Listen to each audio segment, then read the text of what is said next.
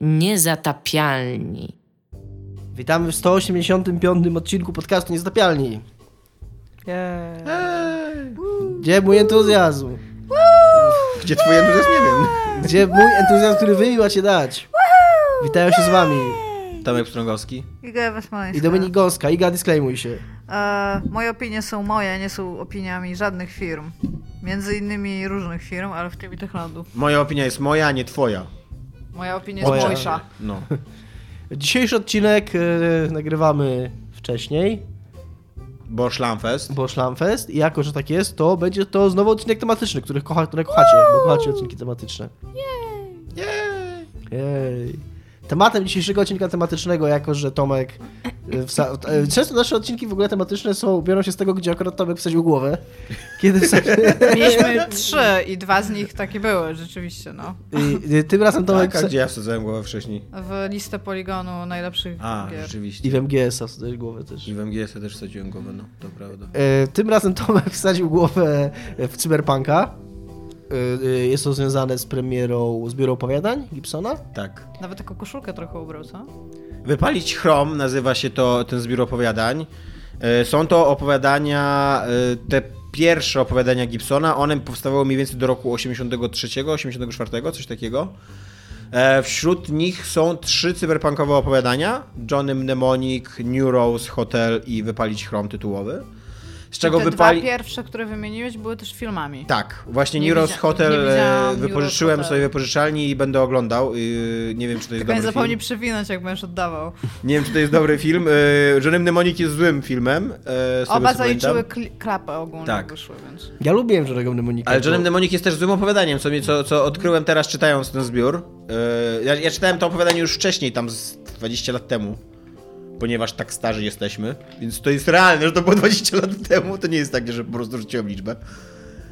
Eee, więc być może 20 lat temu, że Ja tam... byłam trochę mała, 20 lat temu. Ja 20 lat temu miałem 13-14 lat, więc bardzo możliwe, że wtedy czytałem Johnny'ego Mnemonika pierwszy raz. I był, naj, był najlepszy. I był wtedy to, totalnie najlepszy. Ja chyba Teraz, wtedy czytałam Wiedźmina. E, teraz czytałem go drugi raz i był słaby dosyć. Literacko to jest słabe opowiadanie, w którym się bardzo niewiele dzieje. Jest tylko taka bardzo prosta nitka fabularna, właśnie, która się świetnie nadaje do przeniesienia na ekran, co nie? Więc wydaje mi się, że dlatego ono zostało, mogło zostać zekranizowane.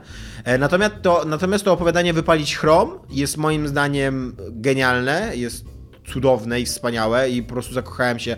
Ona ma 22 strony, przebrnąłem w nie w chyba w 10 minut i od razu przeczytałem je drugi raz y, od razu. E, jest po prostu wszystko w tym opowiadaniu. Wszystko, wszystko co powinno się w ogóle z cyberpunkiem wiązać. I Nie- na 22 stronach tylko. tak, jest dziewczyna, kurde, z cyberoczami, co nie są hakerzy, którzy tam wchodzą swój e, lodołamacz, wciskają w jakąś wielką korpo, znaczy nie, akurat nie wielką korpo, tutaj w mafię wciskają swoje lodołamacze.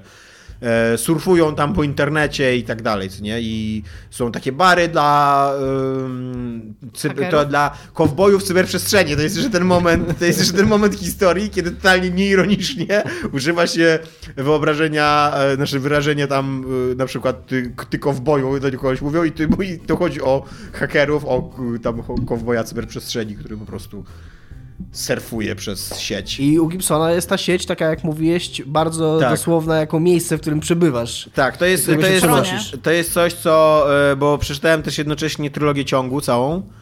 W tym samym czasie, kiedy dwa razy przeczytałeś to nie, opowiadanie, no, nie, przeczytałeś, nie, to nie, nie w tych 20 Gdzieś- minutach.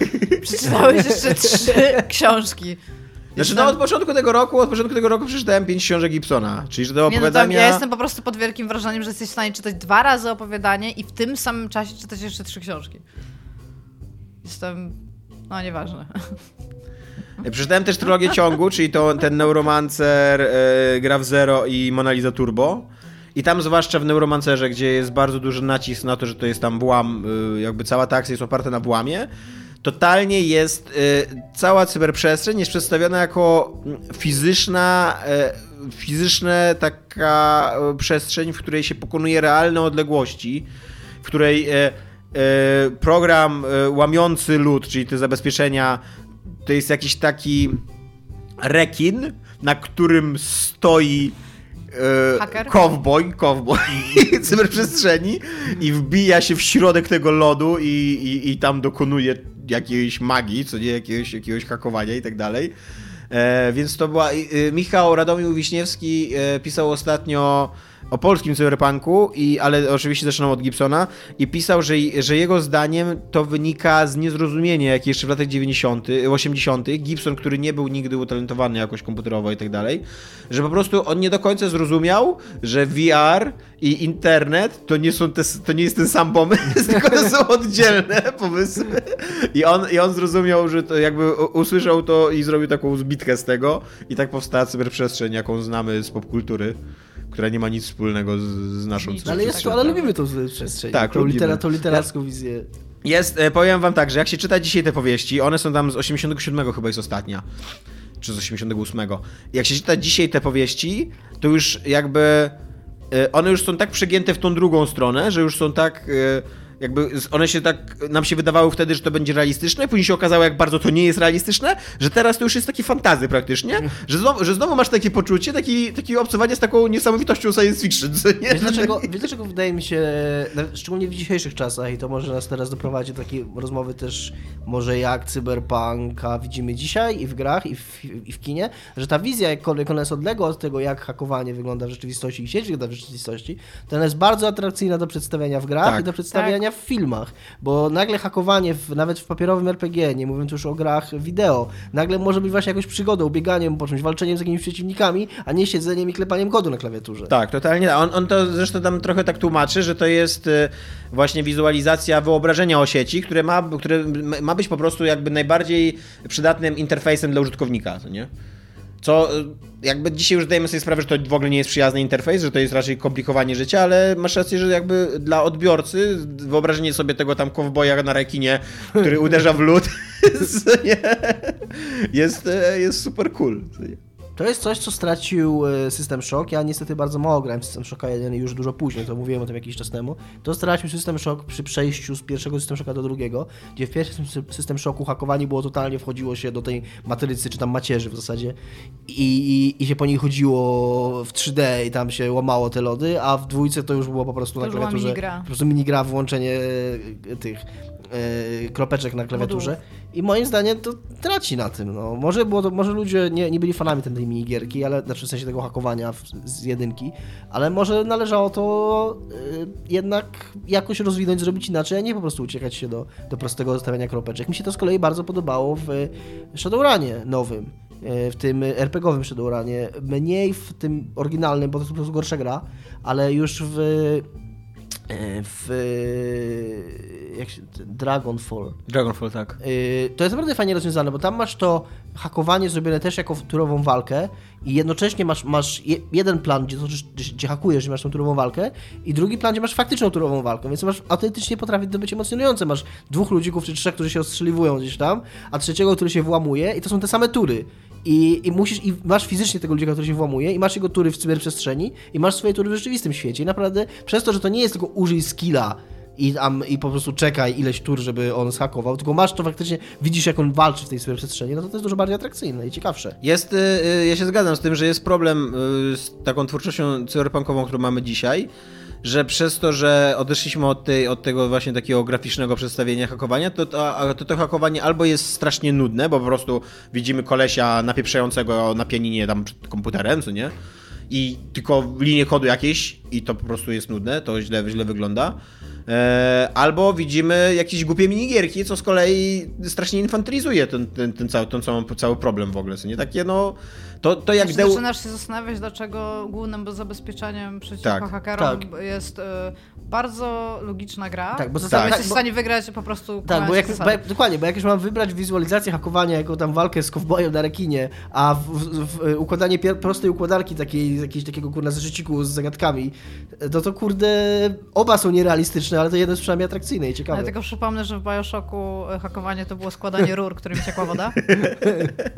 Co, co miało tam jakiś sens, bo to w No bo to System było Shocku pod jeszcze miało wodą, sens. bo to było pod No, wodą. ja to rozumiem, ale w System Shocku to jeszcze miał jakikolwiek sens, a nie wiem, czy pamiętacie, w Monako można było hakować gniazdka takie w ścianie. W sensie takie, do których tam możesz lampę podłączyć i dzięki temu mogłeś hakować komputery i światła. Because reasons. I co mi przypomina, że takim interfejsem, w sensie samą grą, która jest interfejsem w systemie, gdzie się tam chyba walczy z wirusami, to był Fez. który już pokazywał takie właśnie bardzo wektorowe wyobrażenie tego, jak w hakerach. Z... Fez?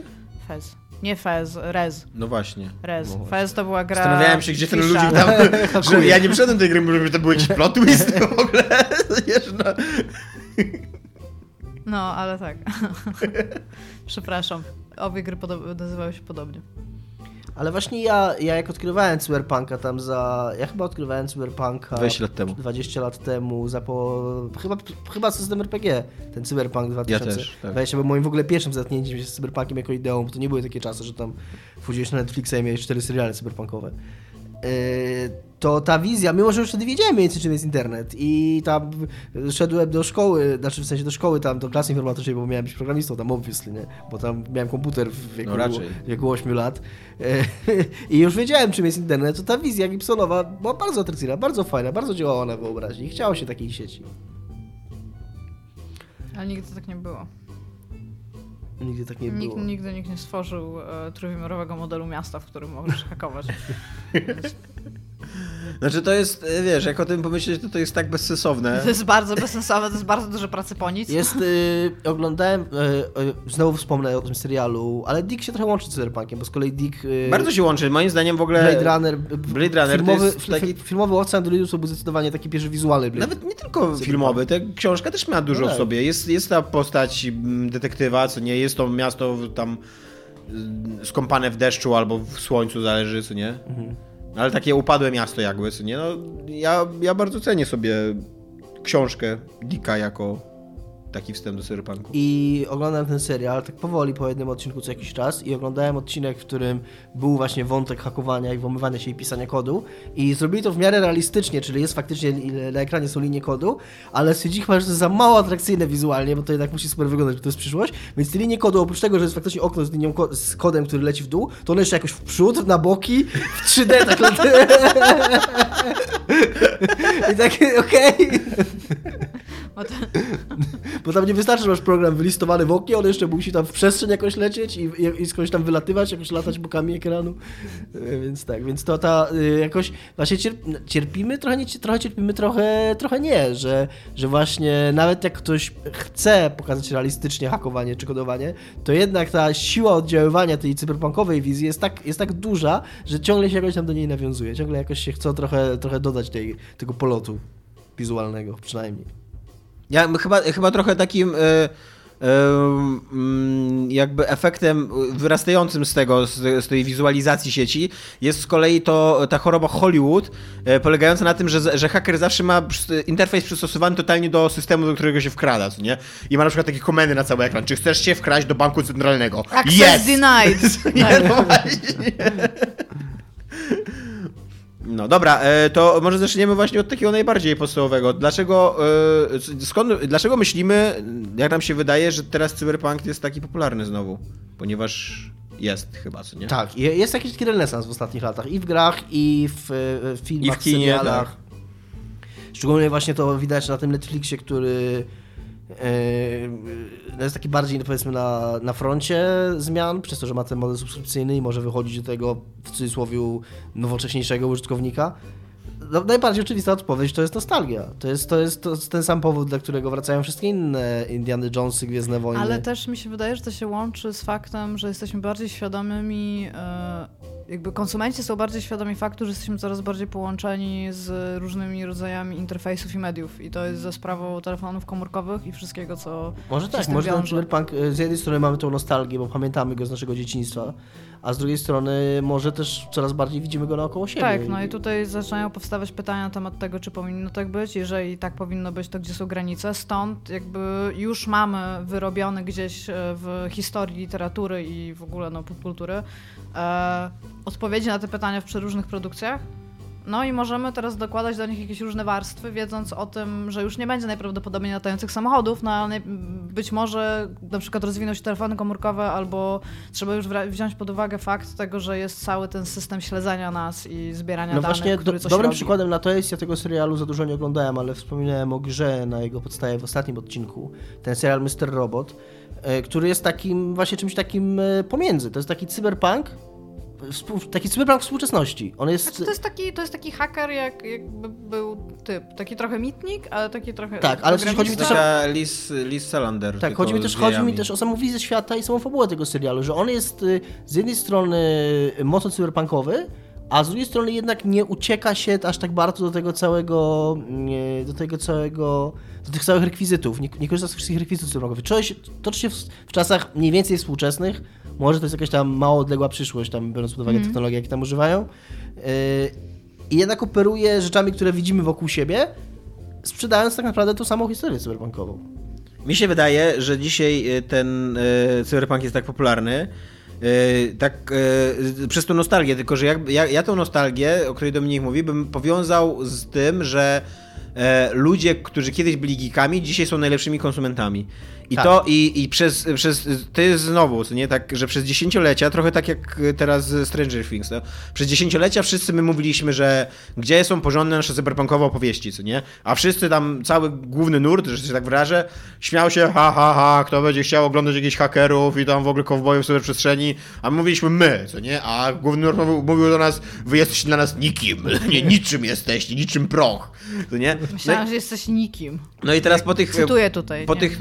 30 latach, po tych 30 latach okazuje się, że jednak jesteśmy kimś, że jednak jesteśmy świetnymi konsumentami, którzy wydają kupę kasy na kulturę i którzy, i którzy w końcu jakby doszli do takiego renesansu tego, te- tej swojej wrażliwości, co nie, że e, e, koszulki, kurde, z grami wideo i z postaciami z kreskówek No dzisiaj dobra. kupują ludzie, którzy w ogóle tych kreskówek nie oglądali, No dobra, nie? dobra, To, ale to let's go deeper. E, Ja kupuję to, że. U, ja, dobra, ja no. kupuję to, co ty mówisz, ale w takim razie dlaczego, dlaczego my? Dlaczego my, geeki, dlaczego dla nas jest to takie atrakcyjne? Bo lubimy Bo się na tym gadżety. wychowaliśmy. Lubimy gadżety.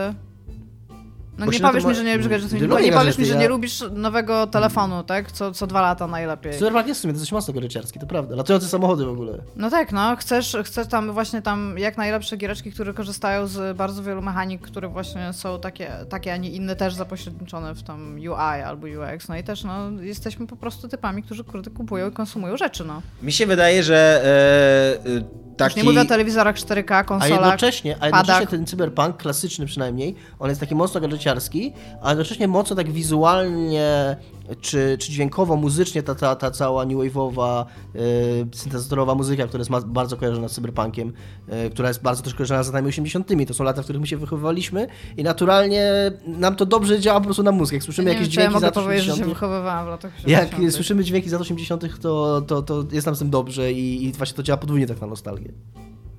E, Ja mam taką tezę, którą sobie właśnie wymyśliłem, więc być może ona nie będzie jakaś mega składna, ale wydaje mi się, że ten taki typ człowieka e, nerdowego, co jest bardzo szerokim pojęciem, no bo nie chodzi mi tylko o, o, o jakichś takich totalnych nerdów, ale jakby ludzi, którzy się wychowywali w latach 80. i jednak byli wtedy, e, albo też, też w latach 90. i jednak byli wtedy w tej takiej spychanej na margines mniejszości że to są ludzie bardzo konserwatywni, nie pod względem jakichś poglądów politycznych, ale pod względem takiego idealizowania tamtego przeżycia.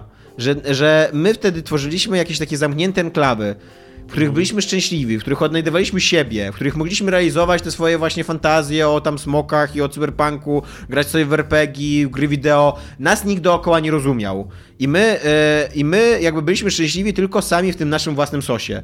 I teraz, jak jesteśmy dorośli, to tak naprawdę wspominamy tamte czasy, mimo że one były dla nas tam trudne w związku z tym, że społeczeństwo nas nie lubiło i, i, i upopiało i tak dalej, ale to jednak jest, sp- wspominamy z takim mega sentymentem, że wtedy sami ze sobą byliśmy szczęśliwi. Potrafiliśmy jakby sami odkryć Jo. swoją taką ścieżkę, ścieżkę szczęścia.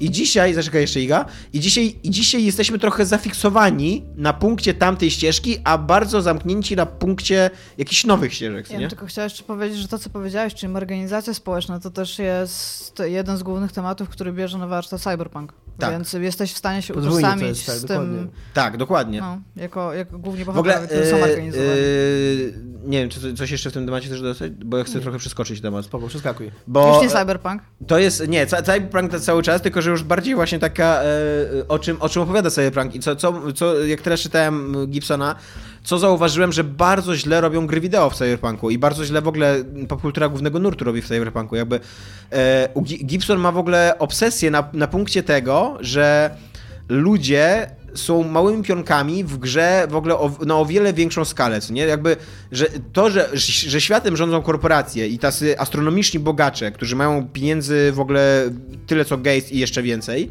to, to u niego to jest codzienność, to, nie? To, jest, to jest jakby stwierdzenie faktu, że tak jest. I jakby te wszystkie jego fabuły się rozgrywają na takiej kosmicznej skali, ale bohaterów mam w takim, ale bohaterów ma w takim mega zbliżeniu, że praktycznie do końca książki ani bohater, ani yy, czytelnik nie ma pojęcia, co się w tej książce dzieje, tylko widzi efekty działania takich kosmicznych sił w takiej skali mikro, co nie, że na przykład, że nagle coś wybuchło i oni nie wiedzą, dlaczego wybuchło, nie, nie wiedzą, dlaczego muszą uciekać, tylko nagle wiedzą, że coś grozi ich życiu, co nie, i dopiero na końcu, jak się przesi- przecinają ścieżki tych wszystkich bohaterów, którzy są właśnie takimi popychadłami, takimi pionkami, dopiero na końcu okazuje się, że jakaś tam wielka korporacja postanowiła kupić jakiegoś pracownika, w związku z tym wywołała wojnę w trzecim świecie, po to, żeby kurde i, i wiesz, i, ty, i, i, i, i a gry wideo mają tak w ogóle, w ogóle jakby trochę sens, sens gry wideo jest na ty, polega na tym, że ty masz realny wpływ na to, co się dzieje w świecie, który cię otacza, co nie? No i to się tro- trochę, kurde, kłóci z tym cyberpunkiem. No właśnie, nie możesz być tym pionkiem, no musisz być człowiekiem, który porusza figurami, co nie? Jak widzisz, e, ja tak miałem, e, teraz sobie zdałem, że z tym nowym Deus Exem miałem taki problem, że, że coś mi tam nie grało i właśnie nie, nie możesz być takim, takim mega tajemniczym, wszechwładnym, potężnym typem, który tam, wiesz, prowadzi do chodzenia i, i, i, i jest realną siłą w tym świecie. No bo, bo jak, jak w tym momencie, jak możesz postrzegać te wielkie korporacje, te zaibacu i tak dalej, skoro one są tak naprawdę dla ciebie równoprawnymi partnerami, co nie? Jedyna siła, jedyna nadzieja w tym, że ludzie, którzy zrobili Kingdom Come, następną grę, którą zrobią, zrobią Cyberpunka o tym, że jesteś tam synem Kowala w Los No właśnie, Angeles. e, e, ciekawe 20 czy... Cyberkowala. Cyberkowala. Ciekawe, czy e, ten e, CD Projekt, który jednak ma. CD Projekt. CD Projekt, przepraszam. Który jednak ma człowieka na pokładzie, który na, napisał tego Cyberpunka, nie? E, czy, czy, oni, czy oni sobie pozwolą na takie, bo to jest jednak ryzyko, tak? Y, Pozbawić gracza władzy w grze wideo, nie? U, uczynić z niego taki autentycznie taki trybik, taki, taki opionka, który jest po prostu y, poniewierany po całej planszy i Ale, to dopiero jest, na ale końcu. strony to jest atrakcyjne i to się trochę skleja z tym, co CD Projekt robił i z czym się chyba dobrze czują w Wiedźminie. Czyli zrobić, e, można, można z tego problemu wybrnąć tak, że przez większość gry albo przez dużą część gry sprawiać graczowi wrażenie takie, że mu się wydaje, w sensie tak skonstruować świat i fabułę, że graczowi się będzie wydawało, że jest wielką siłą sprawczą, po czym tam w trzech czwartych gry w wielkim to twiście pokazać mu, że wcale nie i że tak naprawdę był pionkiem, to by się do takiego, za przeproszeniem, storytellingu, jaki, do jakiego CD Projekt nas przyzwyczaił, nawet by to pasowało. No może tak, może masz No rację. po ostatnim przejściu Bioshocka działają takie fabuły czasami, no. Nie, mnie to, mnie to autentycznie teraz jak czytałem te wszystkie, zwłaszcza to widać w tych powieściach, to, to to jest fascynujące, bo to jest takie, że widzi, jakbyś widział e, planszę To szachów na Widział- takim, na jak- takim totalnym zoomie, co nie, że widzisz fajne, tylko to- jedno pole, nic To więcej. jest fajne to, co powiedziałeś, bo to mi się tak kojarzy jakby traktowanie, właśnie z punktu widzenia tej jednostki, że te wszystkie, to co się dzieje na tym poziomie korporacji, to już jest nieodróżnialne od, nieodróżnialne od żywiołu. Tak. To jest po prostu, tam się dzieją rzeczy. Tak. I e, w ogóle Gibson ma też, e, i to, to też jest jeden z wielkich tematów cyberpunku, który, który, który mnie strasznie robi. E, Gibson ma w ogóle, uwielbia takie postacie astronomicznie bogatych ludzi, którzy są już tak bogaci, że w ogóle, że tracą kontakt z człowieczeństwem, że w ogóle, że już e, e, on, on opisuje często ich bogactwo jako takie już autonomiczne, że tam, że no, jestem tak bogaty, że moje firmy siebie nawzajem wykupują nie wiedząc o tym, co nie, że, że należą tak naprawdę do siebie, do jednego konglomeratu, co nie? Albo, że walczą ze sobą. E, I e, i nie wiem, gdzie chciałem z tą myślą iść. Mówiłeś, że cię to robi. że robi, robi mnie to strasznie, no bo to jest, e, to jest bardzo aktualny dzisiejszy temat. No nie? i właśnie najprawdopodobniej dlatego też powraca teraz cyberpunk, bo to się robi coraz bardziej aktualne. Znaczy to się robi coraz bardziej temat. W sensie jesteśmy też coraz bardziej świadomi, jak działają korporacje, kto kogo ma jakby w kieszeni. Kiedyś nie miałeś do tego dostępu. Kiedyś te korporacje w jakiś tam sposób działały, były jakieś tam wielkie spółki, albo że- właśnie ludzie, którzy wykupowali mniejsze firmy i tworzyli sami sobie konkurencję, ale o tym wiedzieli jacyś ludzie, którzy mieli pilnować tego, żeby na przykład nie było monopolu na rynku. Teraz Teraz, jesteś w stanie wpisać sobie w Google i się dowiedzieć, kto kogo ma. Przede wszystkim. Google. Na przykład Google albo w ogóle, Disney. W ogóle sam fakt, że istnieje Google, to jest jakby od tego zacznijmy. Myślę, że Tak. to jest dla, nawet dla ludzi mało technologicznie, bo w naszych czasach, żeby rozumieć e, na czym polegają zagrożenia związane z technologią, na czym polegają zagrożenia, zagrożenia związane z internetem, y, to jednak trzeba się w miarę interesować. W dzisiejszych czasach internet i Google to jest już narzędzie dla każdego codzienne, używane tam od rana do wieczora. I naprawdę, no, i wydaje mi się, że ta świadomość rośnie i to widać. Człowiek, nawet moja mama, y, która w ogóle się nie interesuje technologią, ale korzysta z Google'a i jakby ma tą świadomość i widzi nagle, że wiesz, że zamawiała coś w sklepie internetowym, po czym nagle jej na Facebooku wyskakują reklamy tych rzeczy. Ona też to widzi i też mówi, że kurde, co tu się dzieje, nie? Guys, są latające samochody, przecież wystrzeliliśmy z, z samochód. Znaczy, Jo. o god, nie, nie, nie skłamałam, że już mamy latające Mam samochody. w ogóle takiego hejta na ten samochód, który krąży teraz dookoła Ziemi, że to jest głowa mała. Masz na niego hejta? Mam Ja na niego hejta. spoko. Ja też Uważam, uważam, że to jest mega słabe. Uważam, że to jest... E... Ale też też pasuje do wątku cyberpunku swoją drogą. E, tak, no właśnie, tak. Uważam, że to jest, uważam, że to jest przykład takiego e, splotu interesów wysłać? e, super bogatych ludzi i super wielkich korpo, e, dla których e, podstawową, podstawową celem jest e, akcja, udana akcja marketingowa Ale i sprzedanie ty, produktu. myślisz, co tam powinno być? Wiesz co, no, na, na przykład kiedyś wysyłaliśmy w kosmos nazwiska ludzi, którzy brali Nie, ale w sensie jako ten odważnik, co to powinno być? Jaki inny ciężki przedmiot? No nie wiem, cokolwiek ty. Na przykład, y, e, na przykład właśnie e, jakiś, wiesz, y, jak to się nazywało, te bullet, coś tam, że tam miałeś y, y, wspomnienia czyjeś i tak dalej, co nie? Jakieś, jakieś takie, A wiesz, ostatnio wysłali takie dzieła. No ale ja, też, ja też się zgadzam z jego... po co wysłać tam samochód? uważam, to nie jest szkodliwe. tylko i... Do, nie wiem, czy to nie jest. To jest komercjalizacja przestrzeni kosmicznej. Oni Jakby- tam wysłali w ogóle samochód z Z- typem, który się nazywa Starman, który słucha David Bowie i ma ręcznik. I kilka powieści. Zawsze, więc... e, zawsze mieliśmy, za, jakby, zawsze mieliśmy takie marzycielskie podejście do kosmosu, co nie? Że Właśnie cyberpunk jest taki też cyniczny. I Tak, e, jest tak, jak, tak jak ta fantastyka naukowa z lat 60., 70. była taka bardzo, i z tej ery podboju kosmosu była taka bardzo optymistyczna. Patrzyliśmy właśnie na taki wspólny wysiłek społeczny, że po- polecimy w ten kosmos, bo musimy, bo jesteśmy odkrywcami, bo to jest w naszej naturze ludzkiej. Po czym w latach 80. przyszedł cyberpunk i pokazał, że, że nie, że technologia będzie służyła korporacji, Tak. będzie służyła bogatszym, będzie I, służyła interesom. i, i tak, Gdzie i, jestem i w Neuromancerze, w Neuromancerze masz pierwszą stację kosmiczną, taką komercyjną, która się nazywa Freeside i która jest stworzona totalnie przez taki właśnie ród y, Tesher Ashpolów, y, absurdalnie bogatych, którzy się już po pewnym, w pewnym momencie zaczęli klonować i, i, i zamrażać i tylko wybudzają jednego z siebie, żeby prowadził interesy, co nie? Y, I, i to jest oczywiście, dużo jeszcze jesteśmy wcześniej jakby w, w tym rozwoju, Ale, to, Tesla, już, to już jest takie podejście, jakie Tesla ma... Elona Muska jest Tak. pierwszym krokiem w tym kierunku. Żeby Ja, ja w ogóle właśnie chciałam powiedzieć, że może ja nie potrafię ci odpowiedzieć, czy to jest dobry czy zły krok, bo ja po prostu kocham Ilona.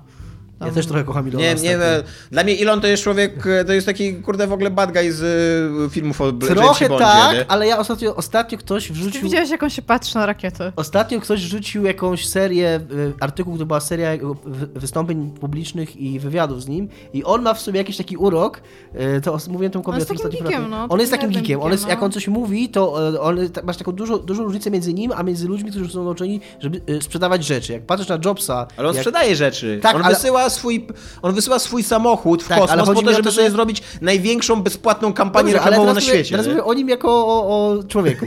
że go się dobrze słucha, bo widać, to jest, taki, to jest taki nasz typ, to jest taki nasz człowiek, to jest taki geek, on jest, potrafi być nieporadny, on się gubi, on gubi wątek, on y, y, wpada w jakieś dziwne dygresje, on y, zaczyna, wiesz, pat, widać, że się denerwuje, jak występuje przed ludźmi. Jest Teraz takim, total, popłakał. jest takim totalnie geeki, geeki typem. I fajnie się, fajnie się go słucha. Właśnie z tego powodu dla mnie to działa też na tym poziomie takim trochę, jak ty mówiłeś, dlaczego my e, lubimy teraz oglądać Cyberpunk z takim poczuciem, że my wygraliśmy.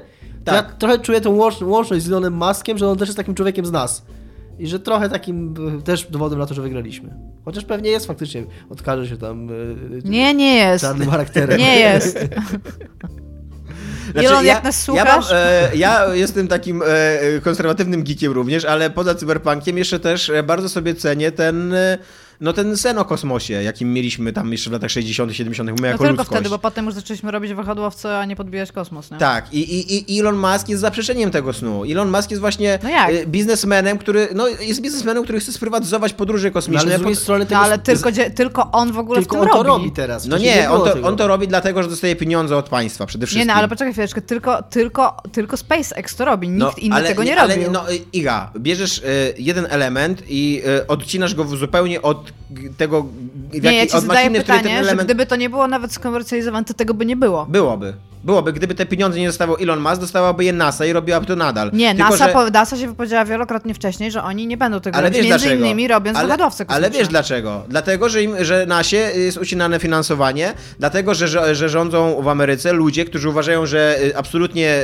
y, robienie czegokolwiek publicznie nie ma sensu, że wszystko powinno być robione prywatnie, a prywatnie, czyli że sponsorowane przez rządy, ale y, później dywidendy No tak, no wypłacane ale to normalnym tym bardziej pokazujesz mi, że NASA by z tym nic nie zrobiła. Zrobiłaby, gdyby... Ale nami- oni gdyby, nie robili nic przez jakieś 40 lat Gdybyśmy mieli to kolektyw, właśnie y, tak naprawdę to Elon Musk jeszcze nic nie zrobił. Jakby robi, Elon. Musk robi to, co robiła NASA, kurde, 30 lat temu. Zrobił nie? No nie, no no, ma powracające, tak, ma powracające moduły. No, mi, Moduły mi, są mega no, mieliśmy y, te, te wahadłowce. Mieliśmy były jak, dużo, dużo droższe. no, ale mieliśmy technologię. nie no, miały i gdybyśmy, sensu, gdybyśmy je rozwijali przez te 30 lat, No ale to nie rozwijaliśmy ich. ale nie rozwijaliśmy ich dlatego, że ktoś rządzący y, pieniędzmi publicznymi w. Ameryce podjął taką, a nie inną Ja się decyzję. zgadzam, tak, ale nadal Elon... Nie no, ja się zgadzam ze wszystkim, co powiesz, okej, Zgadzam, ale moim zdaniem... fajnie. Zgadzam, się, że byłoby lepiej, gdyby robiła to NASA, ale NASA, skoro NASA tego nie robi, to już lepiej, żeby robił to Elon, niż żeby nikt tego nie robił. Tak. Jest Nie, Skoro znaczy, taka jest e, alternatywa. E, moim, moim zdaniem to nie jest alternatywa. Moim zdaniem to jest fałszywa alternatywa. No. Ale bo nikt tego nie robił, takiego mówię, przez 40 lat nikt tego nie robił. Przyszedł Elon, Przecież po zaczął to robić. 69 roku, kiedy pojechać, no to jest zawsze śmieszne, Woodstock i tam wystrzelenie No. człowieka w kosmos, w sensie na księżyc, wszystkie plany poszły w piździe, zaczęliśmy robić wychodowce kosmiczne. Bez żadnego powodu. Nie było w ogóle, nie było ani jednego planu po to, w sensie taki, który przeszedł, żeby dalej sprawdzać i kolonizować kosmos. I No. jeżeli tego nie było przez tak dużo czasu i ty, ty tutaj, my tutaj mamy dwie idealne rzeczywistości. W twoim mówisz, że jeżeli by coś się stało, to ktoś by to robił, tak? Gdyby, A- gdyby politycy, No którzy tak, podjęli... ale, ale nie. nikt by tego nie zrobił w taki Gdyby sposób, jak ty nie, byś Iga, chciał. gdyby politycy, którzy podjęli decyzje, które doprowadziły do tego, że dzisiaj twoja ścieżka jakby jest realizowana, podjęli inne, podejmowali inne decyzje, to dzisiaj moja ścieżka była realizowana. No tak, Ale nie no tak, podjęliby ale nie ich. podjęli. Ale no, to, je- to jest trochę takie właśnie mówienie, że no okej, no nic nie można z tym zrobić. Można, można nadal wy, wywierać jakby polity- polityczny nacisk, można nadal... Ale co, my jako Polska, czy my No jako nie, my jako? Polska to akurat nic nie, bo to się zgadzam, że, Hej, że, my, nie że my nie jako nasza trójka w tym pokoju raczej nie zmienimy, kurde, losu Ilona Maska. I podboju kosmicznego. Ale nie będę nigdy jego fanem, ponieważ on jest właśnie, dla mnie jest personifikacją wszystkiego złego, całego zła, w którym w kierunku... Przesady. Nie, znaczy jakby tej, tego, tej złej ścieżki, w którą Ja poszła rozumiem, cała, ja cała, to rozumiem, tak, ale to nie jest marzenie. jego wina. Moim zdaniem to jest źle przyczynowo się tutaj ustawiasz. Ja się zgadzam z tobą, że lepiej byłoby, gdyby Elon Musk nie był potrzebny. Albo gdyby y, Elon Musk nie miał tak podatnego, gdyby nie istniał tak podatny grunt dla działań Elona Muska, jak istnieje. Bo jasne, że jego, to co on robi z podbojem kosmosu jest wynikiem tego, co się dzieje. Ale to nie jest tak, że to, co się dzieje jest wynikiem tego, co on robi. Jakby przyczynowo się z drugą stronę tutaj. Ale nie zamierzam mu kibicować. nie zamierzam go lubić. Jak ja bym chciała polecieć na Marsa i umrzeć na Marsie, czasami o tym myślę. Było awesome. Za tym, Jakby się okazało, tak, że Elon tak Musk nienawidzisz NASA, jakby e, Elon Musk by nie istniał bez NASA w ogóle. Ale ja nie... E, Ty ale powiedziałeś, już że tak- nienawidzę NASA, ja kocham NASA. Już tak dzisiaj, na, na, na, znaczy w dzisiejszym, dzisiejszych nawet tych. y, Elon, Ma, Elon Musk to jest w ogóle jedno wielkie złudzenie, że Elon Musk y, sam prywatnie to robi. Nie, no jasne. Jakby, jakby mu ta rakieta spadła w Chinach, to pierwsze co by zrobił, to zadzwonił do prezydenta i powiedział Ale ej nikt- stary, wykorzystaj wszystkie swoje lotniskowce i wszystkie naciski dyplomatyczne, po to, żeby odzyskać moją ja nie sądzę, że ktokolwiek- Bo nie znam w Chinach kurwa centralnie nikogo. Ja myślę, że żaden nikt nie sądzi, nie że on to tak. robi sam. No nie no, myślę, że bardzo się mylisz. On że, jest- on ma- że on- mnóstwo ludzi uważa, że to robi e, SpaceX i to, że to jest w ogóle prywatna, korporacyjna nie, inicjatywa nie i jest że tak. oni Ja realizują teraz powiem marzenie ci- powiem ludzkości. ci- Powiem ci, z czym się zgodzę. Ja się nie zgadzam z tobą, że jest groźne to, co Elon Musk robi, albo że jest złe, albo że jest szkodliwe, ale prawda jest taka, i to też ty zauważyłeś w naszej prywatnej rozmowie, że faktycznie on, e, bo to nie jest przypadek, że tak się dzieje, on bardzo dużo energii poświęca, jego firma, na to, żeby budować jego wizerunek na tym. Tak. Żeby on, żeby to było nawet nie, że SpaceX, tylko że No tak, Elon to Musk, Elon ten Musk. konkretny Tak, właśnie, człowiek, ludzie- ta ludzie- twarz, ten, e, ten typ. E, Ludzie, którzy lądowali na Księżycu, e, wy, wykreślili swoje nazwiska, z, bo mie- mieli, mieli je tam napisane na tej, na tej fladze, czy gdzieś tam, co nie? I Na powiedzieli... tabliczce, hello. Na tabliczce, no właśnie. I oni wykreślili swoje nazwiska, I bo chcieli... ja nie nienawidzę NASA, oprócz tego, że ja bo, wiem. bo mówili, że, że, że oni są tak samo z członkiem tego całego zespołu, który tam siedzi za komputerami i tak dalej, i oni są tylko ostatnim elementem. No tak. A, a cała Tesla to jest tylko Elon Musk, który spija, kurde, całą śmietankę i. i SpaceX. twor- Tak, SpaceX, przepraszam. No. Wiesz, że są takie to firmy, na przykład jak Nestle albo Cadbury, które wyżynają całe lasy deszczowe. Może... Ich też nienawidzę. No dobrze, może, może tutaj jakąś skalę trzeba założyć, bo tam Musk nie robi aż tak złych rzeczy. Dobra. Ale robi, robi te złe rzeczy e, e, moim marzeniom. moim geekowskim marzeniom. No. No my jesteśmy o tym, tak żeby tak kolektywnie starzy, żeby podbijać kosmos, e, żeby szukać pokojów kosmosu, żeby przekraczać granice, a nie kurde wysyłać kurde kampanię reklamową w kosmos. No Dobra, w każdym razie nikt z nas na Marsa nie poleci, jesteśmy za starzy, nie znamy żadnych umiejętności, które by były przydatne w ogóle w tym, więc Już się nigdy nie nauczyłem. umrzemy na Ziemi i musimy się z tym pogodzić. Tak, to prawda. I to jest smutne, jak o tym się myśli wieczorem często. to prawda. Y, Ale w ogóle Cyberpunk jako Cyberpunk chyba nie. in- y, y, To jest taki twór ery jednak post podboju kosmosu, bo Cyberpunk chyba jako taki nie, ty masz, jesteś bardziej odczytany w tym gatunku, nie interesuje się za bardzo podbojem kosmosu. Nie, tam już, tam już bardzo często kosmos jest podbity, Tak. dzieje się coś w koloniach, Ziemia nie, nieczęsto nawet jest tematem, po prostu Mhm. co, coś jest gdzieś, Cyberpunk, jak, jak zauważyłeś, on ma. c- y, Pisarze Cyberpunk, znaczy nie pisarze, no ale jakby wizja, wizja świata w Cyberpunku jest taka mega cyniczna, że właśnie taka jak wasza, że pewne rzeczy się wydarzyły i że Nic taka, jest, y, że taka rzeczywistość jest i, i, i tak, i, oni, i moim zdaniem Cyberpunk ma też takie podejście jakby do, do kosmosu, co bardzo dobrze widać w tym modyfikowanym węglu. Właśnie e, Richarda, nie pamiętam jak on się nazywał. Nie, Morgana Richarda, albo Richarda Morgana. E, modyfikowa- i, i, I oni tam mają właśnie takie podejście, że, że wszechświat został skolonizowany. Został skolonizowany przez ONZ, czyli jakby tych złych, takich wielkich kolonizatorów, co nie? Którzy centralnie stworzyli jednostki specjalne, jedyne takie e, prawdziwe wojsko, które jest w stanie podróżować w kosmosie jakby przez to, że przynosi do swojej świadomości, co nie?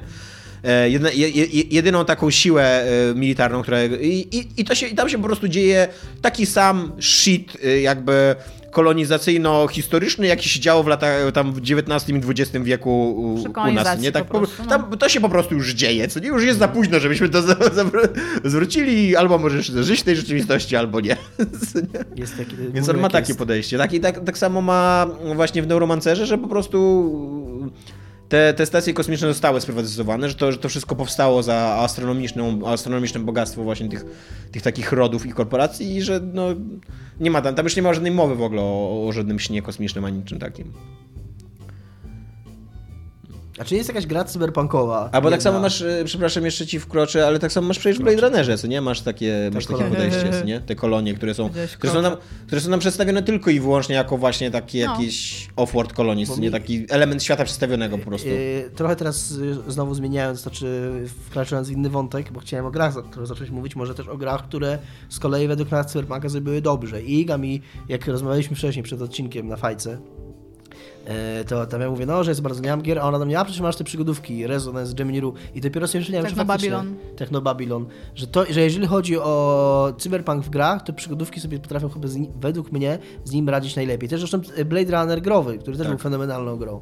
Bo jakoś taka ta spokojna poetyka y, i też te przygodówki też potrafią być, one są też mniej nastawione na to, co to je przeszkadzało, czyli na tą siłą spraw, to, że gracze jest siłą sprawczą. Tak. Przygodówka może opowiedzieć prostą, ciekawą, his- prostą historię jednego człowieka, który... który w ogóle może być pionkiem. który to, może być to, pionkiem i to działa, wersja dok- fabularna. działa, bo twoje zagadki, które rozwiązujesz, czy twoje problemy, na które masz, na które natykasz się w tej grze, one będą tak samo interesujące, niezależnie od tego, jaka jest rola sprawcza twojego bohatera. I Konrad Jamie Niru było fenomenalną grą, która była takim bardzo klasycznym, ona jest takim bardzo klasycznym, ona bardzo też yy, świadomie odwołuje się do cyberpunka growego.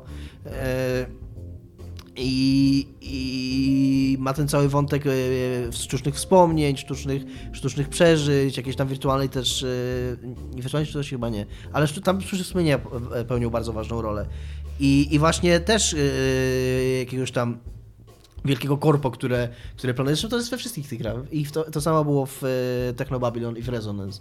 I I have no mouth and I must scream. w to, kurde, w to z, parę razy podchodziłem, ale ta gra współcześnie bardzo źle wygląda. Ja przeszłam kilka razy i współcześnie też w nią grałam, ale dlatego to jest tak jak ty masz Final Fantasy VII. Ja po prostu tą grę już znam, więc mogę ją przechodzić. Myślę, że teraz bym też mogła mieć z nią trochę problem. Więc, chyba, więc chyba tak, więc chyba dla mnie te przygodówkowe cyberpunki będą takie tak na, nawet, nawet nad Deus Exem, nad, y, nad y, System Shockami. Mi się wydaje, że z takich gier, które bardzo dobrze robią Cyberpunka, to ten The Red Strings Club, którego jestem wielkim, Też swoją wielkim drogą fanem. Tak. Bo on, on właśnie. Ala do- przygodówka. On właśnie dokładnie rozgrywa ten temat, o którym mówiłem, że, że tam jesteś tak naprawdę pionkiem. Jakby nie, nie, od, nie od początku sobie zdajesz z tego sprawę, ale na końcu bardzo wyraźnie widzisz, że działały przez To całą jest fabułę. spoiler, bo znowu nas będą bić. Tak, chociaż ta gra się zaczyna końcem, więc... Nie wiem, czy to jest spoiler. Nie wiem, czy zdradzenie em, mechanik jakby gatunkowych, co nie? Takich, wiesz, Mhm. chwytów gatunkowych jest spoilerem? Moim zdaniem nie. To, że na przykład Baś się kończy morałem, czy to jest spoiler? Moim zdaniem nie, ale wiesz, są ludzie, którzy nie oglądają trailerów w kinie, bo to są spoilery i nie chcą widzieć plakatów, więc... No to spoiler. E, I jakby tam na końcu się dowiadujesz, że jesteś właśnie takim, totalnie takim pionkiem, to nie? Że, ty, że rozgrywała się nad tobą gra, której nawet nie do końca postrzegałeś jej. Ja w nie? ogóle lubię Nie- ten trik, to jest też swoją drogą e, bardzo chętnie przez Dicka stosowany trik. E, takiego, i to robi Red Strings Club, więc jak już spoilujemy to na całość. E, wprowadzenie jakiegoś rekwizytu na początku historii, tak jak to, to jest wprowadzany ten Android, który wydaje się trochę drugoplanowy, po czym na koniec historii okazuje się właśnie centralny i najważniejszy. Tak. To super jest w ogóle ten Android rozwiązany, Tak. to prawda. Że ty go zaczynasz lubić, że on jest taki trochę drugoplanowy, potem zaczynasz go tam poznawać, lubić, on zaczyna jakąś tam rolę Musimy pełnić. napisać na w opisie o spoilerach. Napiszemy, że Red Strings Club spoilujemy. Dobra. To jest bardzo dobra gra swoją drogą. Myślę, że nawet jeżeli nie graliście w tą grę, dotarliście do tego miejsca i usłyszeliście ten spoiler, to naprawdę spokojnie nic to nie psuje, bo to jest gra, której największej, największa jej siła tkwi w tu i teraz. W tych poszczególnych dialogach, w tych poszczególnych interakcjach. Nie, w tych nikt się w to nie uwierzy. w Już spoilers nie będę W mógł tym, że grać. zaczynasz, w tym, że sam sobie zdajesz sprawę, że zaczynasz lubić bohaterów, że ci ludzie. Ale wy teraz e, mówicie ludziom, którzy wielokrotnie, w sensie na, Ja na, jestem na, człowiekiem, który właśnie przeczytał cz- czwarty raz w życiu Neuromancera, drugi raz gra w Zero, Monaliza Turbo przeczytałem pierwszy raz. No, czwarty raz przeczytałem jedną książkę i absolutnie się nie nudziłem. Ja nie wierzę w spoilery. Autentycznie utwierdziłem się w przekonaniu w ostatnich dniach. Ja nie wierzę w spoilery. Ja, no ja wiem i mówię to bardzo często, natomiast e, bardzo wielu z naszych słuchaczy, albo może komentujących, bo nie wiem jak, jak, jak ci, którzy nie komentują, mówi, że samo odkrywanie tego w jakikolwiek Znaczy, ja się zgadzam z sposób jest, jest, no, więc- ustrukturyzowana i zbudowana opowieść, e, nie jest, w- nie jest dostatecznie dobrym powodem, żeby zobaczyć No i no poznać więc ją. ostrzeżemy, tak, ostrzeżemy się Red Strings Club, ale jeżeli e, nadal, e, bo są takie dzieła, które, na które to działa lepiej, na które działa to bardziej, Red Strings Club jest bardzo konwencjonalną grą. Tam nawet jeżeli podejdziecie, podejdziecie bez żadnej wiedzy, was ona zaskoczy, w sensie, e, okej, może się tego nie spodziewaliście, ale jak zobaczycie, to to to ja miałem takie wrażenie przynajmniej, że nawet jeżeli się tego nie spodziewałem, to powinienem był się tego spodziewać, bo to jest standardowy, tradycyjny, cyberpunkowy zabieg. Dobrze. E, jeszcze a propos The Red Club, e, to jest gra, która ma w sobie bardzo dużo nadziei, która ma taki, budzi bardzo dobre emocje i to jest też coś, co, e, co jest moim zdaniem tak paradoksalnie powiązane z cyberpunkiem, a czego często e, twórczość cyberpunkowa nie łapie. Jakby dlaczego, dlaczego e, Blade Runner miał dobre, e, pozytywne zakończenie, bardzo pozytywne zakończenie, nie? Znaczy tam poza tym, że oni najprawdopodobniej niedługo umrą, nie, w Blade Runnerze, no ale jednak... e, Ale filmowy. Filmowy, tak. Bo książkowy nie do końca. Eee, no bo jakby to, że ten, ten świat jest tak dołujący i tak e, tak już przemielony i tak jakby życie tych bohaterów jest już tak skomplikowane, że na, na przykład Gibson bardzo mocno wciskał w swojej powieści happy endy, nie? Naprawdę tam ta jego najnowsza powieść Peripheral, e, ona nie jest takim czystym cyberpunkiem, to jest taki, to jest taka e, e, fantazja na temat świata przyszłości, takiego tam 2100 mniej więcej, tam się akcja się rozgrywa, w którym istnieje możliwość łączenia się takiego cybernetycznego z mm, ścieżkami przeszłości, nie? To się nazywa kikuty, no bo w momencie, już w momencie, kiedy się cofasz do tej przeszłości, to to przestaje być twoja ścieżka czasowa, no bo w twojej ścieżce się nikt nie cofnął do przeszłości, więc to automatycznie się robi nowa ścieżka czasowa, nie? I oni jakby eksploatują te ścieżki czasowe, tak jak się trochę eksploatuje dzisiaj tanią siłę roboczą albo państwa trzeciego świata, nie? I tam zakończenie jest kurwa tak, to, to jest tak dołująca wizja świata, co nie? Gdzie się robi bardzo brzydkie rzeczy i a zakończenie jest tak przysłodzone, tam autentycznie wszyscy bohaterowie znajdują swoje drugie połówki i tam y, pobierają się, y, planują w ogóle przyszłość razem. Na weselu grają pod stałym. A że tych jest bohaterów jest 16, to tam z 8 związków na końcu Ale to ci nie, to ci nie, nie, nie robi jakiegoś takiego dysonansu? Nie czujesz się trochę oszukany albo... E, trochę robi, zwłaszcza w tej książce, której aż, aż tak jest e, prze, prze, przegięty ten happy end, ale w całej trylogii ciągu też są happy endy. E, I one są dużo bardziej e, takie stonowane i masz w nich takie poczucie, że ci bohaterowie, których bardzo polubiłeś i którzy mają strasznie przestrane w życiu, że przynajmniej tyle sprawiedliwości oni dostali, co nie? Od tego świata. Bo Od... kumam, bo z kolei właśnie ja e, e, teraz sobie em, przypominałem, jak się kończy książkowe Runner, czyli czy androidy masz o elektrycznych owcach i tam w ogóle nie ma happy endu. Tam jest wręcz, Tak. tam jest wręcz tak zdeptany ten główny bohater, bo tam on e, ma, to, ma to swoją niby chwilę oświecenia, e, niby wręcz zaczyna coś rozumieć, zaczyna coś odkrywać, po czym nagle okazuje się, że to wszystko było kłamstwo, co myślał i idzie spać i książka się kończy. To prawda. Ale jak na przykład sobie przypominam te nowe Deus Exy, które są już tak ponure tylko dlatego, żeby być ponure, są takie ponure w stylu emo, no to być może to właśnie dlatego nie gra, że jednak potrzebujesz jakiegoś takiego błysku, jakiejś takiej, wiesz, jak, jakiegoś powodu, dlaczego ci ludzie w ogóle żyją i działają, nie? Jest jeszcze jedna, jest jeszcze jeden, teraz o tym sobie przypomniałem, jeszcze jedna konsekwencja popularności Cyberpunka, czy może powód jego popularności. To jest coś, na co super zwraca uwagę, nie wiem, czy to ty mi na to zwróciłeś uwagę? E, Jest Errant Signal o bardzo dobry o Deus Exie, o pierwszym Deus Exie, gdzie on mówi, jak zupełnie inaczej odbiera się pierwszego Deus Exa teraz, niż jak odbierało się kiedyś. Bo w pierwszym Deus Exie z, tym jego, z tymi jego teoriami, że tam, A, tak. że 11 września to był spisek, albo że tam yy, jest jakiś tam spisek antyszczepionkowy, czy cokolwiek, nie? Yy, To, tego typu motywy były wtedy, w tamtych czasach to było śmieszne. To był taki, to był taki, takie... Yy, yy, e, takie skrajności tego, co się mówi. To, to, to, to było kojarzone z jakimiś najgorszymi takimi szmatławcami, takimi gazetkami tanimi sprzedawanymi w... w Tabloidy. Takimi tabloidami, ale tak, nawet takimi tabloidami, których nie ma u nas, tak jak są te amerykańskie. e, The Sun? e, Nie The Sun, tylko są takie, jest taka cała seria tabloidów, ja to miałem kiedyś dawno temu na języku angielskim, jak miałem z Amerykaninem jeszcze w liceum, to przyniósł tam takie pisemko. Coś tam Real Stories, takie tabloidy, A, które tak. drukowały historie, które były po prostu kłamstwem, takie nieprawdziwe historie, no tam, że znaleziono człowieka leniwca, nie? Albo tam No, rozumiem. człowiek z trzema tam głowami się urodził, czy coś tam, nie? Po prostu całe pismo historii, które są zmyślone. Nie wiem, nie wiem, czy sobie zdajecie sprawę, czy, czy jakby śledzicie trochę polski rynek tabloidów, ale polskie tabloidy też czasami robią takie rzeczy. Na przykład kiedy- kiedyś e, wylała Okej. się, e, wylało się trochę spirytusu do jeziora i e, no i no jednak jakby skala jeziora i skala spirytusu, jak się może do niego wylać, No jest tak. taka, że to jakby no historia o tym, oni, oni zrobili taką historię o tym, że cała wiocha chodziła na jebana i że w ogóle przychodzili z kubkami nad to jezioro i fotografowali jakichś w ogóle ludzi, którym, Okej. dali, którym dali pieniądze za to, żeby z butelkami tam z tego, z tego wody z tego jeziora i zrobili tak centralnie z całej wioski takie, takie totalne, totalną patologię, nie? No tak, no to w każdym razie... w Więc każdym też takie razie rzeczy się dzieją u nas. Wracając, nie? do tego, że wtedy, wtedy tego rodzaju poglądy były trak- traktowane z przymrużeniem oka i były fajnym źródłem do e, robienia jakiejś interesującej fikcji. Natomiast dzisiaj na to patrzymy i to są rzeczy, które się przybijają do mainstreamu. Tak. To są rzeczy, które, których, się, których możemy na Facebooku znaleźć, jak nasi znajomi szerują, że, że, że tam... e, No, nie, nie, nie, mi teraz konkretnie nie przyjdzie. Szczepionki zwłaszcza. Szczepionki, właśnie, teraz najbardziej takim tematem. nie? No tak, to prawda. Gdzie chyba właśnie cała w ogóle fabuła. Fabuła... Wszyscy na mnie spojrzeli, tak. Jestem tutaj cały czas, słucham was. właśnie wokół, wokół szczepionek. E, jeszcze mamy jeszcze jakieś pytania, bo ja mam jeszcze jedną myśl. A propos tego, że e, cyberpunk w ogóle nie jest. E, jakby, mi się wydaje, że dzisiaj mamy trochę złe pojęcie o cyberpunku. E, przynajmniej, znaczy nie my, ale te, tak, te, taka konserwatywna frakcja graczy, że cyberpunk jest taki i nie powinien być zmieniany i jakby jest domeną białych mężczyzn i tak dalej. Tutaj też? tak było.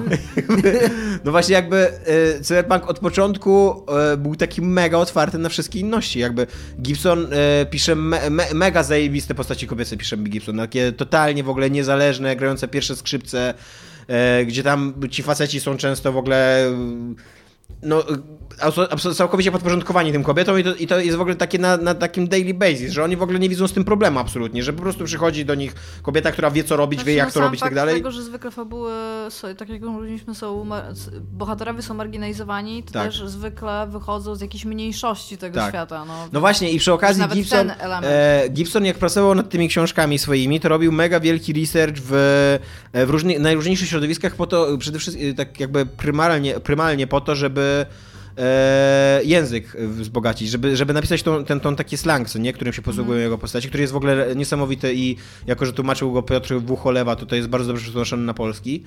E, Ale właśnie on dzięki temu też zaczął się fascynować właśnie takimi mniejszościami różnymi. Na przykład bardzo ważne są w, e, w, całym, w całej trylogii, y, trylogii ciągu są bardzo ważne po pierwsze Rastafarianie, a po drugie voodoo. Voodoo, voodoo tam, tam jest w ogóle w drugiej, w drugiej książce, w grafie Zero, e, voodoo, y, cała ta otoczka kulturowa dookoła voodoo, cały język voodoo, cały, cały ten system wierzeń i tak dalej, on odgrywa tak ważną po i tam, tam oni wszyscy są tak czarni, że nie da się być bardziej czarny, co nie, niż autentycznie taki, taki Jamajczyk voodoo, co nie?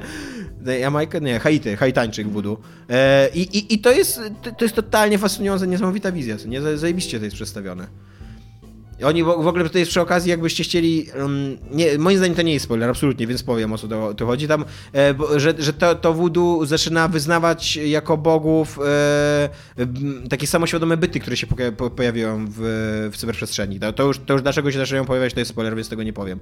I jakby i, i całą, całą swoją właśnie tą ten e, e, aparat taki ideologiczno-religijno-pojęciowy prze, po prostu przekładają na cyberprzestrzeń, co nie? I, to, i, i jakby do, dopóki ty tego nie zrozumiesz, to w ogóle nie rozumiesz, co się dzieje w tej powieści, co nie? Jakby i te, też ci, ci, ci tacy biali, tradycyjni bohaterowie w ogóle absolutnie nie mają pojęcia, co się dzieje dookoła nich, dopóki nie spotykają tych mądrych hejtańczyków, którzy im tłumaczą swoje wierzenia, które tam mają z 300-400 lat i wtedy, a, to o to chodzi. mega, mega zajebisty zabieg, co nie? A w, jakim, w czym to jest jeszcze raz? W Gra w Zero, to jest druga część po Neuromancerze. Bo... Ja, w ogóle, ja w ogóle Neuromancera przeczytałem dopiero pierwszy raz po tym, jak mi go pożyczyłeś. To było, no nie wiem, parę miesięcy temu, niedawno. I niesamowite wrażenie mnie zrobił. Naprawdę. To jest coś takiego. Czasami masz właśnie to. E, ja mogę powiedzieć z tej strony, że to na pewno nie jest jedno z tych dzieł, do których wracasz po latach i ono jest super, bo pamiętasz, jakie czytałeś kiedyś. Nie? Dla mnie, dla człowieka, który przeczytał to teraz współcześnie, fenomenalnie dobra jest ta książka i językowo, i e, jeżeli chodzi o wizję, którą, e, którą e, roztacza, i nawet tak na poziomie samym fabularnym. Tak, po prostu ma wciągającą historię. Tak, to prawda. Dobrze czyta. To prawda. I pisze bardzo dobre sceny erotyczne Gibson. Co po Richardzie Morganie i modyfikowanym węglu. w ogóle, on pisze w ogóle w Neuromancerze jest taka bajeczna scena erotyczna, gdzie normalnie bohaterowie uprawiają seks, ale dziewczyna ma taki wszczep, nie wiem jak to powiedzieć, no takie niby cybrocze, ale to nie są cybrocze, tylko to jest jakby takie okulary przeciwsłoneczne wszczepione w twarz, co nie? No i, i oni w trakcie tego seksu po prostu się dotykają, co nie? I on zaczyna tam dotykać ją też po policzkach i tak dalej, a ona mówi mu, że nie dotykaj, bo zostawiasz ślady, co nie? Zostaniesz, zostawisz odciski palców.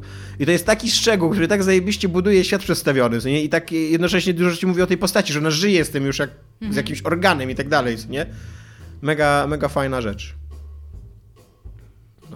I e, w ogóle też e, bardzo polecam czytać trylogię ciągu jako całość, bo. E, Ciągiem, byś powiedział. No bo o, o, e, e, nam, Doceń to Dominik, widzę, że to doceniłeś. żeby pociągnąć trylogię ciągu do końca. No. Nieźle, nieźle. Bo e, żyje jakoś tak, tak się u, ukształtowało w nas, że ta, e, że ten Neuromancer to jest taka wybitna powieść i że tak naprawdę to jest zamknięta całość i wystarczy ją czytać. W, ale później się okazuje, że w Grafie Zero i w Monalizie Turbo, że on miał, e, nie wiem czy od początku, no ale ma bardzo fajny pomysł na to, co tam się będzie działo dalej z rzeczami, które się dzieją w finale Neuromancera. E, I, I że prowadzi to w bardzo fajnym kierunku i, i też fajne, bardzo filozoficzne pytania zadaje, nie? Więc polecam. A przy okazji później jak się jeszcze czyta do tego te opowiadanka 3 z Wypalić Chrom, to one są takimi e, takie, e, tam są takie postacie trzy, w ogóle totalnie trzecioplanowe z drogi ciągu, które a, a, to to, to, to chodziło, jak oni mówili o takim jakimś tam Johnym albo coś tam, co nie? No bo na przykład John Mnemonic też się pojawia w trilogii ciągu i totalnie jakby w Neuromancerze się pojawia w ogóle swoją drogą. I totalnie jak się czyta Neuromancera, nie wiedząc o Johnem Mnemoniku nic, no to, to tam to jest po prostu jakiś tam Johnny, który pada w dialogu, co nie? A później czytasz Johnego Mnemonika i a, a, to jest ten, co nie? Ten, ten typ, o to tam chodziło. Jeszcze coś mam na Mega Cyberpunku? zachęcony do wejścia w cyberpunk teraz literacki. Może Ja- ja- to opowiadać. Nie Totalnie pamiętacie, polecam ale w którymś opowiadanie. kompendium wiedzy Secret Service był taki bardzo duży e, sekcja na temat cyberpunku, która tłumaczyła założenia gatunku i tego, czym jest ich, o historii. Nie, nie pamiętam. Pamiętam, że w tym, że po rozłamie Secret Service w tym resecie e, był taki ruch, żeby tłumaczyć, czym jest cyberpunk i jakby go reklamować, co nie? I rozprzestrzeniać. Tęsknię za resetem. Tak? Ja, Tam był Fido i Mel. ja, w- e, ja w ogóle mało z tych wszystkich naszych takich e, lat e, walki, to właśnie za gazetami komputerowymi najmniej e, tęsknię. Znaczy, Bo ja miałem chyba zaczęłam... najwięcej możliwości weryfikacji tego. Bo ja właśnie mówiłam Dominikowi, ja czytam e, ostatnio trochę prasy growej i ja troszeczkę nie rozumiem tego, tego czemu i czym ona jest w teraz, w sensie tej współczesnej, właśnie- która wychodzi. Mam, taki, mam takie dwa znaki zapytania nad głową, że ja rozumiem, czemu wychodził Secret Service, czemu był w takiej formie, w jakiej był, czemu pisali to, co pisali, ja to wszystko rozumiem, ale ja trochę nie rozumiem tego, co się dzieje teraz. Jakby jest to dla mnie Tego, tej niepojęte. nostalgii, tak? Nie, tego, tego, co wychodzi teraz. W sensie nie rozumiem centralnie prasy. Takiej, że siadam, ostatnio teraz byłam w pociągu, przeczytałam całą gazetę. Jaką? Było deski do deski, PSX Extreme najnowszy. jeszcze wychodzi? No właśnie, to tak jest pierwsze pytanie, które powiedział Dominik. Dokładnie taka sama Tak. reakcja. I, I przeczytałam i jakby... Ale jest to cały czas tylko PlayStation piszą. Nie, są, są multi. A w każdym razie jest tam na przykład jeden w miarę dobry tekst, który nie rozumiem, czemu nie ma więcej takich tekstów, bo jakby dla mnie teraz prasa to jest teraz jakaś rzecz, którą ja mam w głowie, tak? Jeżeli kupujesz gazetę, to najprawdopodobniej kupujesz ją, bo to jest tak, jakbyś kupił cały serwis, w sensie masz na ten miesiąc, masz newsy, y, artykuły, recenzje, tak? Masz ten. Tylko, że jakby siłą printu jest to, że nie śpieszysz się tak bardzo jak wszystkie e, tam giereczkowe serwisy, że tam srasz pod siebie, żeby jak najszybciej mieć materiał z czegoś. Nie, nie załączysz tam filmów ani nic, więc jakby ich siłą powinny być bardzo fajne teksty.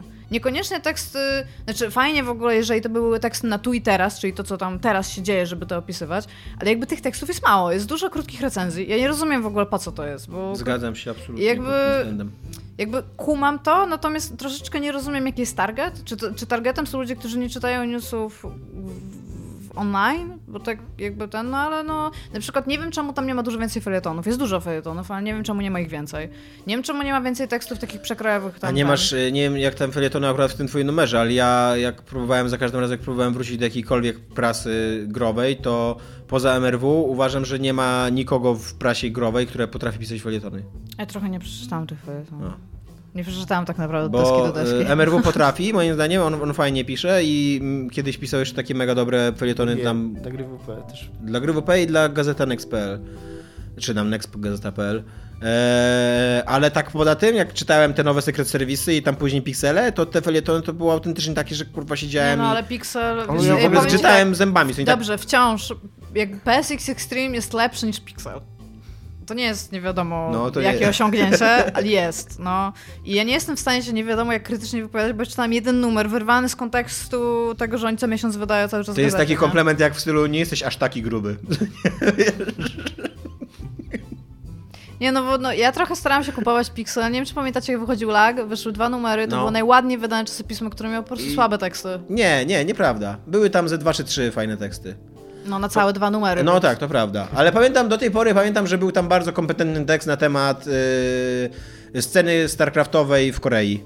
Z którego się mnóstwo No i- rzeczy dowiedziałem. Jak, jak ona na przykład- wyglądała, jakby. Tak, ale takie Taki teksty- temat, o którym w ogóle nic nie wiedziałem, Ale jakby nie? takie teksty wychodziły w princie, to ja kupowała centralnie te gazety, bo to są teksty, gdyby one były centralnie tylko tam, gdyby nie było żadnych, od, żadnego odpowiednika online danej gazety, to to by było fajnie kupić, byś kupował sobie gazetę i byś się dowiadywał rzeczy na temat bardzo konkretnych, autorskich tekstów z dużym, dużą dozą researchu, bo kurde, piszesz to na miesiąc, tak? I też był bardzo dobry tekst Marcelego Szpaka na temat jego uzależnień od narkotyków i jak to się, jak mu gry pomogły z tego wyjść.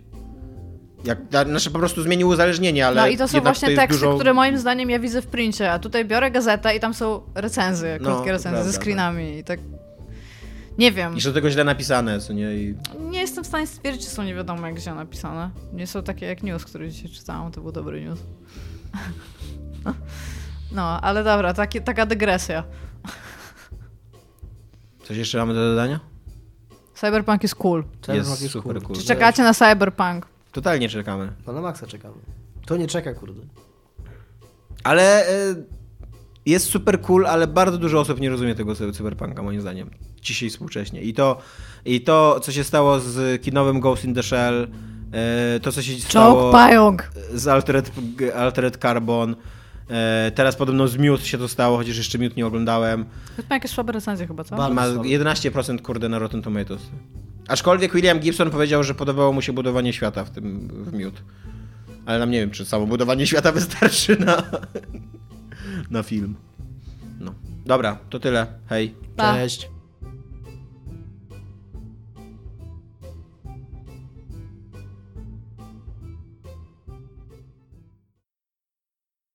Jo. Nie będziesz włączał nagrywania? Nie, już zawsze się będzie nagrywać.